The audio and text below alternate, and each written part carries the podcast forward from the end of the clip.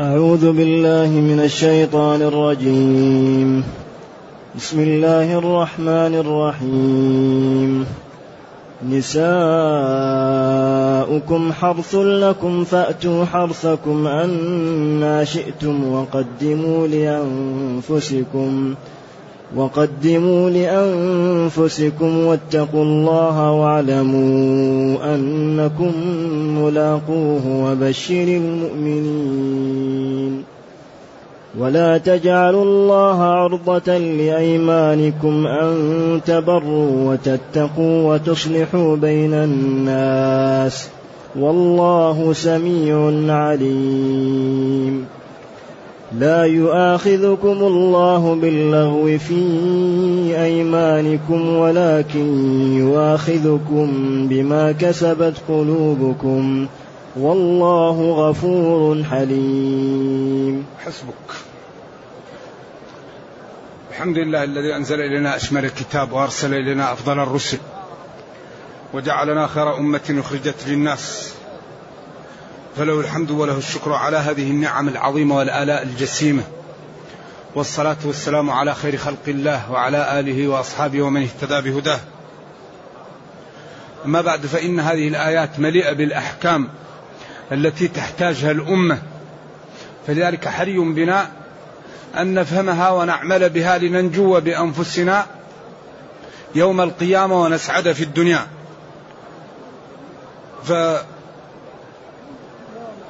فهذه الآيات ستة جاءت ثلاثة منها يسألونك وجاءت ثلاثة بي ويسألونك. قال المفسرون الآيات التي جاءت يسألونك بدون واو كان السؤال بينها فيه مهلة. وكل آية لم تأتي بالواو كأنها جاءت منفردة. يسألونك عن اليتامى قل إصلاح لهم خير. يسألونك عن المحيط والآيات التي كان السؤال وراء بعض جاءت معطوفة بالواو. إذا الفرق بين الآيات التي جاءت معطوفة ومنسوقة لأنها جاءت وراء بعض. أما الآيات التي جاءت يسألونك من غير عطف لأنها جاءت يعني كان يعني كل قصة على حيدة نزلت بعد الأخرى بمدة. نساؤكم حرث لكم. النساء جمع لا واحد له من لفظه. نسوة ونساء. والمفرد امرأة. يعني نساؤكم أزواجكم. حرث هذا تعبير راقي جدا. لأن الدين تعابير جميلة جدا وراقية ولا يصرح إلا في الضرورة. الإسلام لا يصرح والشريعة لا تصرح بالألفاظ إلا في وقت قيام الحد أو الشهادة. على على على لأنه يكون فيه أمور خطيرة فذلك الوقت لا تقبل الكنايات. إذا نساؤكم أزواجكم.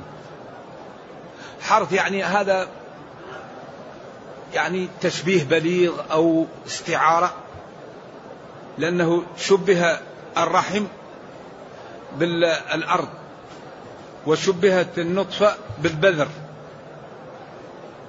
وشبهت العملية بالحرث بإلقاء البذر في الأرض في النطفة. لذلك قال نساؤكم حرث لكم أي مكان زراعة الولد فأتوا أمر للإباحة. والإرشاد. أيوة للإباحة والإرشاد. حرثكم أن شئتم. إذا كان في محل الحرث هذا قول الجمهور. وبعض الفضلاء ثبت عنهم خلاف ذلك في البخاري عن ابن عمر. وهذا قال العلماء العلماء يخطئون. نعم. ماذا نقول؟ هذا ثابت.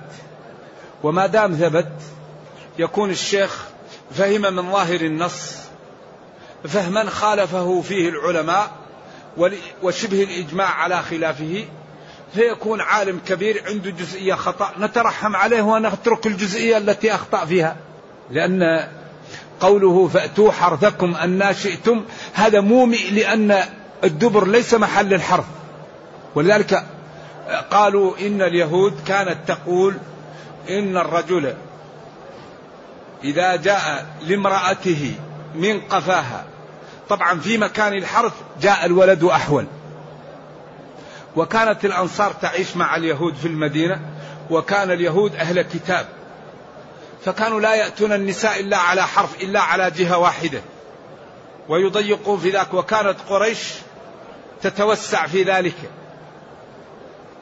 يشرحها نائمة قائمة يجبيها يوقفها.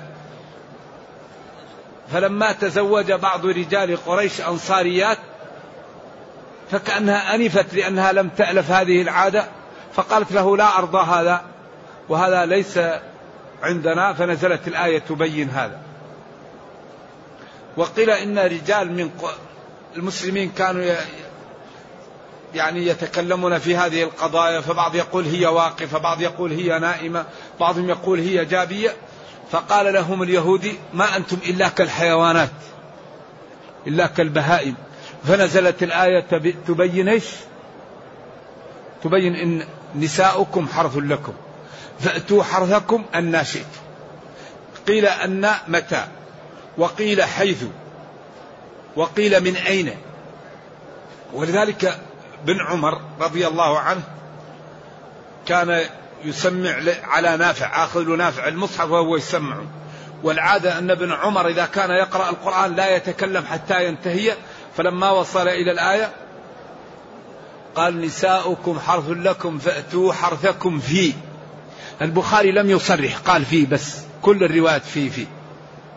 فكأنه لم يرد أن يصرح أو ولكن جاءت في رواية أخرى ولذا هذا رأي لابن عمر وأعلى ما يقال فيه إنه خطأ من عالم لأنه ورد في الآثار أنه ملعون من أتى أهله في دبرها. إن الله لا يستحيي من الحق إن الله قد حرم إتيان النساء في محاشهن. ولذلك ما دامت المرأة في الحيض محرمة فمن باب أحرى ذلك المكان. ولذلك قوم لوط عياذا بالله. ولذا هذا عمل ولما سئل ابن عمر قال هذا الكفر. يعني الذي يعمل هذا؟ يعمل كأنه الكفر لأنه ما, ما الذي أهلك لوط؟ قوم لوط. إذا نساؤكم مزرعة لكم مكان حرثكم. فأتوا أمر للإرشاد والإباحة حرثكم مزرعتكم. أن شئتم. متى شئتم؟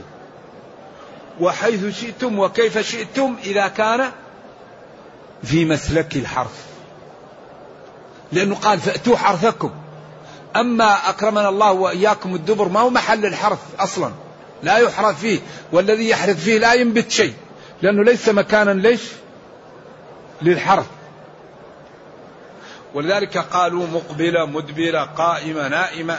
هذا هو التحقيق وما ورد عن بعض السلف عن مالك أو عن ابن عمر أو عن غيره فهو إما أنه لا يصح لا يصح وإن صح فرأي محجوج بالأدلة وبظاهر النص. إذا أن بمعنى متى؟ أو حيث؟ أو من أين؟ وقدموا لأنفسكم. يعني بأن تدعو الدعاء المشهور. من أراد أن يأتي أهله وقال بسم الله اللهم جنبنا الشيطان وجنب الشيطان ما رزقتنا إن قدر بينهم ولد لا يضره الشيطان والحديث صحيح. أي وقدموا لأنفسكم بطاعة الله لا تستعملوا الحرام لا تأتوا المرأة في الحيض ولا تأتوا المرأة في وقت إيش؟ في محل ليس محل. ولذلك الذين قالوا هذا لهم أدلة أن المرأة كلها يجوز للرجل أن يأتيها إلا محل الحيض لكن ويجوز أن يأتيها في أي محل في منها. لذلك يعني عندهم شبه لكن الأدلة الموجودة تخصص. فأتوا حرثكم أن شئتم هذا العموم أو حيث أو متى مخصص بالأحاديث الواردة التي لا تقل عن الحسن في النهي عن إتيان النساء في أدبارهن أيوة. إذا يكون هذا العموم مخصص بالأدلة الأخرى أن وقت الحيض نص عليه والدبر نص عليه في آيات أخرى. فيكون هذا العموم أيضا إذا أردنا نتنزل ونقول الآية عامة وردت أحاديث وآثار خصصت ذلك. مع ظاهر الآية فأتوا حرثكم. وذلك المكان ليس مكانا للحرث. وقدموا لأنفسكم من طاعة الله. وقدموا لأنفسكم ابتغوا الولد. واتقوا الله. اجعلوا بينكم وبين عذاب الله وقاية بامتثال ما أمركم به واجتناب ما نهاكم عنه. لذلك كل ما أمر الله أو نهى في كتابه لا بد أن يدلل بقدرته على على على أنه قادر على أن ينفذ الوعد والوعيد. وهذا لا ينخرم في القرآن. القرآن إذا أكرم أو هان يتبع الإكرام والإهانة بماذا؟ بالتدليل على قدرته. وأكبر دليل على القدرة ما هو؟ الخلق. أكبر دليل على القدرة الخلق. لأن البرهان القاطع على أن الله يستحق العبادة لأنه هو الذي يخلق. ولذلك اقرأوا في القرآن أي عقوبة أو أي كرامة لا بد أن تتبع بخلق السماوات والأرض أو الخلق. قال اعبدوا ربكم إيش؟ الذي خلقكم. وقال أفمن يخلق؟ كمن لا يخلق. وقال قد أفلح المؤمنون؟ لما أنهى المقطع قال ما البرهان على ذلك؟ ولقد خلقنا الإنسان من سلالة. إذا هذا الدين قائم على براهين وأسس وحجج لا تقبل إلا التسليم أو المكابرة. لكن لا بد أن نعطي وقتا لهذا الكتاب لنفهمه. لا بد أن نتأمل فيه لا بد أن نتدبره. لا بد أن نشرحه أن نفسره أن نقف عند يعني أوامره نقف عند نواهيه لينفعنا. أما إذا كان عندنا ونحن لا نعمل به نكون مثل الذي يحمل الماء وهو عطشان. إذا واتقوا الله اجعلوا بينكم وبين عذاب الله وقاية. وقلنا إن التقى هو أن لا تفعل فعلا حتى تعلم حكمه. هذا هو التقى. إذا أردت تعمل أي عمل ما ما حكمه. واجب تعمل مندوب تعمل مباح تعمل. حرام لا. هذا هو التقى. التقي لا يعمل عملا إلا إذا عرف حكمه إذا لم يعرف يتوقف حتى يعلم. هذا هو التقى. وضمن الله للمتقي أنه لا يقاوم لأنه من أولياء الله وأولياء الله. ماذا؟ الله يدافع عنهم. ألا إن أولياء الله لا خوف عليهم. من يتق الله يجعل له مخرجا. قال ابن إسحاق منفذا من كل ضيق. ولذلك المتقي لا يقاوم. لأنه إذا عاداه شخص دمره ربه. وإذا سأل ربه أعطاه. وإذا تكلم وفق. ولكن التقى يحتاج إيش؟ لا يأتي إلا بالمجاهدة. والذين جاهدوا فينا والذين جاهدوا. ما يمكن يأتي التقى إلا بالمجاهدة والمكابدة. الذي لا يكابد الطاعات. لا يمكن أن أن ينمو عنده الإيمان ويقوى التقى في قلبه. فالتقى يقوى بالعمل بالطاعات. وبممارسة الإيمان والأعمال. لذلك نبينا صلى الله عليه وسلم كان أكثر الناس عبادة. بطريق يعني في الليل يسمع له أزيز كأزيز المرجل. ويقوم حتى تتفطر قدماه. فقالت له عائشة ألم يغفر لك ربك ما تقدم من ذنبك وما تأخر؟ قال أفلا أكون عبدا شكورا؟ لذلك هذا الدين دين بالحقيقة عملاق. لكن نحن كالقضية التي تكون عند محامي غير فاهم فيضيع الحق على أصحابه. نحن الآن بالنسبة للإسلام كالمحامي الذي يكون فهمه قاصر فيأخذ القضية ويضيعها على أصحابها. ولو هي الحق. نحن الآن نجفل الناس من الدين بإيش؟ بأخلاقنا. مع الأسف بعض المسلمين يعيش بين الكفار ويغش الكفار. ويقول لك هذا كافر. طيب أنت لست كافر أنت مسلم. يقول لك هذا كافر. طيب هو كافر أنت مسلم. المسلم لا يغش. المسلم لا يسرق. المسلم لا يكذب. عجيب. المسلم يغش وبعدين يغش الكفار؟ أي أي دين يبيح أن يغش المسلم الكفار؟ لأن المسلم إذا غش الكفار يقول إيش؟ يقول هذا دين ودين خربان هذا دين ما, هو ما عنده دين. لأن المسلمين تعاملهم مع الكفار يجفر الكفار عن الدخول في الإسلام. فلذلك الذي يعيش من المسلمين بين ظهراني الكفار لا بد أن يكون صادقا أمينا نزيها بعيدا عن الخمر وعن الخنزير وعن مخالطة محارم الله. لا يتعامل بالربا لا يكذب. حتى إذا رأى الكفار المسلم قالوا والله إن دينه دين جميل لأنه متأدب وصاحب خلق وصاحب صدق.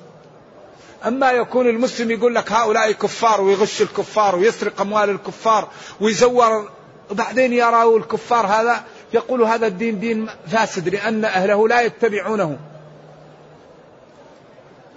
إذا قال تعالى ربنا لا تجعلنا فتنة للذين كفروا. أي لا تجعل عملك فينا سببا في صد غير المسلمين عن الدخول في الإسلام. لذلك ما رأيت شيئا في هذه الأيام أنفع للإسلام والمسلمين من الالتزام بالسلوك الإسلامي السلوك السلوك السلوك. الإنسان يمشي مشية المسلم ينظر نظرة المسلم ينام نومة المسلم يسلم سلام المسلم يبيع بيع المسلم يسافر سفر المسلم. فإذا كان كل واحد منا يتمثل الدين الناس تدخل في دين الله أفواجا. أما إذا كان كل واحد منا يتكلم بالإسلام والفعل يختلف هذا هو الذي يسبب إيش؟ التقويض ويسبب الضعف ويسبب للناس نوع من الارتباك. لذلك الله قال وما أريد العبد الصالح. على في القرآن وما أريد أن أخالفكم إلى ما أنهاكم عنه. أتأمرون الناس بالبر وتنسون أنفسكم وأنتم تتلون الكتاب؟ أفلا تعقلون؟ كبر مقتا عند الله أن تقولوا ما لا تفعلون. إذا حري بنا أن نتمثل الدين. حري بنا أن نظهر للناس جمال الدين في حياتنا في تعاملنا في أخلاقنا في صدقنا في تواضعنا في إيثارنا لإخواننا. هذا هذا السلف ضربوا مثل في, في الورع وفي الصدق وفي الشجاعة وفي الإيثار لا يعلمه إلا الله. ويؤثرون على أنفسهم ولو كان بهم خصاصة. يحزمون على بطونهم الحجارة من الجوع. ومع ذلك تراوده الجبال أن تكون له ذهب. يقول لا. جاءه جبريل قالوا نطبق عليهم الأخشبين؟ قال لا. لعل الله يخرج من أصلابهم. وراح وأخذ عبد الله بن لريقط الديلي وذهب للهجرة وجلس ثلاثة أيام في الغار وجاءه وصدق معه وكان كافرا. كان يمكن أن يأتي جبريل ويقلب عليهم مكة لكن قام بالأسباب.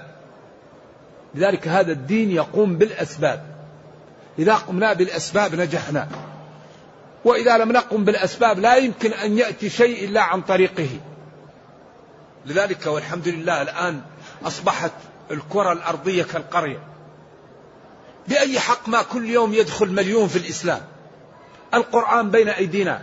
والله يقول تبيان لكل شيء. وكل المشاكل الموجودة عند الناس هي محلولة عندنا. مشكلة ما بعد الموت. مشكلة البعث. مشكلة القدر. كل المشاكل اللي غيرنا يعني تقض مضجع ويتعملها نحن كلنا محلولة في ديننا. لما لا نظهر للناس جمال هذا الدين؟ ولما لا نهتم بأن نوجد بيننا قنوات جادة؟ يعني تظهر للناس جمال الدين وتظهر بيان الأحكام وتوضح المشاكل التي يصطاد فيها من يريد أن يصطاد في الماء العكر. لما لا يكون كل ليلة في هذه القنوات يعني ندوى عن بعض المسائل التي تحتاجها الأمة. عجبت من قوة أهل الباطل في باطلهم وضعف أهل الحق في حقهم. كان عمر يقول هذا. يقول عجبت من قوة أهل الباطل في باطلهم وضعف أهل الحق في حقهم. ذلك حري بنا الحقيقة أن نهتم بإظهار للناس جمال هذا الدين. وأن ندعو غير المسلمين للدخول في الإسلام. وبالأخص من كان منهم عنده أخلاق وعنده مساعدة للمسلمين وعنده فتح أبواب لمن عنده مشاكل من المسلمين أو يجد مضايقات يفتحون صدورهم هؤلاء لا نكافئهم إلا بأن ننقذهم من النار. هؤلاء الذين يعطون لكثير من أبناء المسلمين الذين قد يضايقون في بلادهم يعطوهم السكن ويعطوهم الإكرام. هؤلاء لا نكافئ لهم إلا أن نجتهد عليهم وننقذهم من النار بأن ندخلهم في الإسلام. من عمل لكم معروفا؟ والأكبر مكافأة أننا نبين لهؤلاء جمال الدين في حياتنا ونبين لهم صدق الإسلام وننقذهم من النار ونكافئهم بما أسدوا لإخواننا من الإكرام والإحسان. واعلموا أنكم ملاقوه. هذا فيه ترغيب وترهيب وهذا من إعجاز القرآن. اعلموا أيقنوا أنكم يا مخاطبون ملاقوا الله يوم القيامة مبعثون وكل إنسان مسؤول عن عمله. فهي المتقي يفرح ويجد في العمل والعاصي يتوب ويخاف. ولذلك هذا ترغيب وترهيب وهذا من إعجاز القرآن. وبشر المؤمنين. أخبر المؤمنين خبرا تتغير به بشرتهم لما يلقون يوم القيامة من الكرامة. المؤمنون يوم القيامة لهم الغرف فيها ما تشتهيه الأنفس وتلذ الأعين وظل ممدود وماء مسكوب. أصحاب الجنة اليوم في شغل فاكهون هم وأزواجهم. أما عياذا بالله الخاسرون هم الذين خرجوا من الدنيا من غير زاد ولم يبالوا حتى وضعوا في القبور فالله أخبر أنهم يفقدون منازلهم وأهلهم. وقال قل إن الخاسرين الذين خسروا أنفسهم وأهليهم يوم القيامة ألا ذلك هو الخسران المبين. أعوذ بالله لهم من فوقهم ظلل من النار ومن تحتهم ظلل. والله لا عذر لنا بعد هذا الكتاب. إنه بين كل شيء. بعدين قال ولا تجعلوا الله عرضة لأيمانكم أن تبروا وتتقوا وتصلحوا بين الناس والله سميع عليم. هذه الآية تبين أن الفاضل وأن الكريم وأن صاحب المروءة لا لا يكون يحلف لكي لا يعمل الخير. لأن الآية فيها قولان. القول الأول الظاهر أي لا تجعلوا أيمانكم حائل بينكم وبين فعل الخير بين المسلمين. واحد يأتيك يقول لك تعال أشهد لي تقول أنا حالف لا أشهد. واحد يقول لك اقترضني مال تقول أنا حالف لا أقترض. واحد يقول لك تعال درسني يقول أنا حالف لا أدرس. طيب لا تجعلوا الله عرضة إيش؟ لأيمانكم تحلفوا و و ويكون الحلف كأنه معترض بينكم وبين فعل الخير هذا لا يجوز. هذا قول. القول الثاني لا تجعلوا الله عرضة لإيمانكم تبتذلوه كل ما حل قلت لا لا أفعل ولا أفعل ودائما تحلف لأنك إذا كثر حلفك لا بد أن تكذب وتحنث فتجعل الله عرضة لهذا لا ينبغي إذن. ولكن هذا الثاني أقوى لأنه قال أن تبروا ولذلك على أنها هنا لا تجعلوا آه، الحلف مانعا لكم من الخير يكون لا مقدرة. أي لا تجعلوا الله عرضة لأيمانكم أن لا تبروا. تقول أنا حلفت وأنا فعلت. أما إذا كان كثرة الحلف وهذا يكون فيه نوع من عدم الاكتراث ولا تجعلوا الله عرضة لأيمانكم أي لا تحلفوا بالله كثيرا في من غير قصد لأجل أن تبروا بترك الحلف. واضح؟ إذا هذان قولان للعلماء والمقصود أن المسلم لا يحلف لكي لا يأتي بالخير. وتتقوا وتصلحوا بين الناس والله سميع لأقوالكم عليم بنياتكم. ثم بين قال لا يؤاخذكم الله باللغو في أيمانكم ولكن يؤاخذكم بما كسبت قلوبكم والله غفور رحيم. الأيمان أربعة. اثنان يكفران واثنان لا يكفران. ويمين له لا يكفر. وقيل هذه الأيمان تتداخل. والله ما فعلت وقد فعلت. والله لم أفعل وقد فعل. هذان لا يكفران. لأنه إن كان مخطئ لا يكفر وإن كان متعمد لا يكفر. اليمين الذي يكفر والله لا افعلن أو والله لا أفعله في المستقبل. إذا هذان يكفران. أما يمين اللغو كأن تقول لا والله أو بلا والله وأنت لا تعتقد في قلبك. وإنما تؤاخذ بالأيمان ما أنت مضمره وقت القسم به. لا يؤاخذكم الله باللغو ما يأتي على اللسان من غير إضمار له. أما يمين الغاموس عياذا بالله هو الذي يقسم صاحبها وهو يعلم أنه كاذب. قيل لأنها تغمي صاحبها في إيش؟ في النار وقيل لا كفارة عليها وقيل فيها كفارة والكفارة معروفة ثلاثة مخير فيها فإذا عجز عنها فصيام ثلاثة أيام متفرقة أو متتالية. لا يؤاخذكم الله باللغو في أيمانكم ولكن يؤاخذكم بما عقدتم الأيمان فكفارته إطعام عشرة مساكين. من أوسط ما تطعمون أهليكم أو كسوتهم أو تحرير الرقبة. هذه الثلاثة مخير بها. فمن لم يجد أو فمن لم يستطع فصيام ثلاثة أيام. هذه هي الكفارة. يطعم نصف صاع عشر مساكين أو يكسوهم ثوب وعمامة أو خمار على ما هو معروف أو عتق رقبة مؤمنة. فإن لم يستطع فصيام ثلاثة أيام. إذا هذه الأيمان والحقيقة أن هذه الآيات مليئة بالأحكام. فالحيض أحكام كثيرة. ويأتي الإيلاء ويأتي الطلاق وهذه الأحكام. ونرجو الله جل وعلا أن يوفقنا وإياكم لما يحبه ويرضاه وأن يجعلنا جميعا من المتقين. إنه خير مسؤول والقادر على ذلك. وصلى الله وسلم وبارك على نبينا محمد وعلى آله وصحبه. والسلام عليكم ورحمة الله تعالى وبركاته.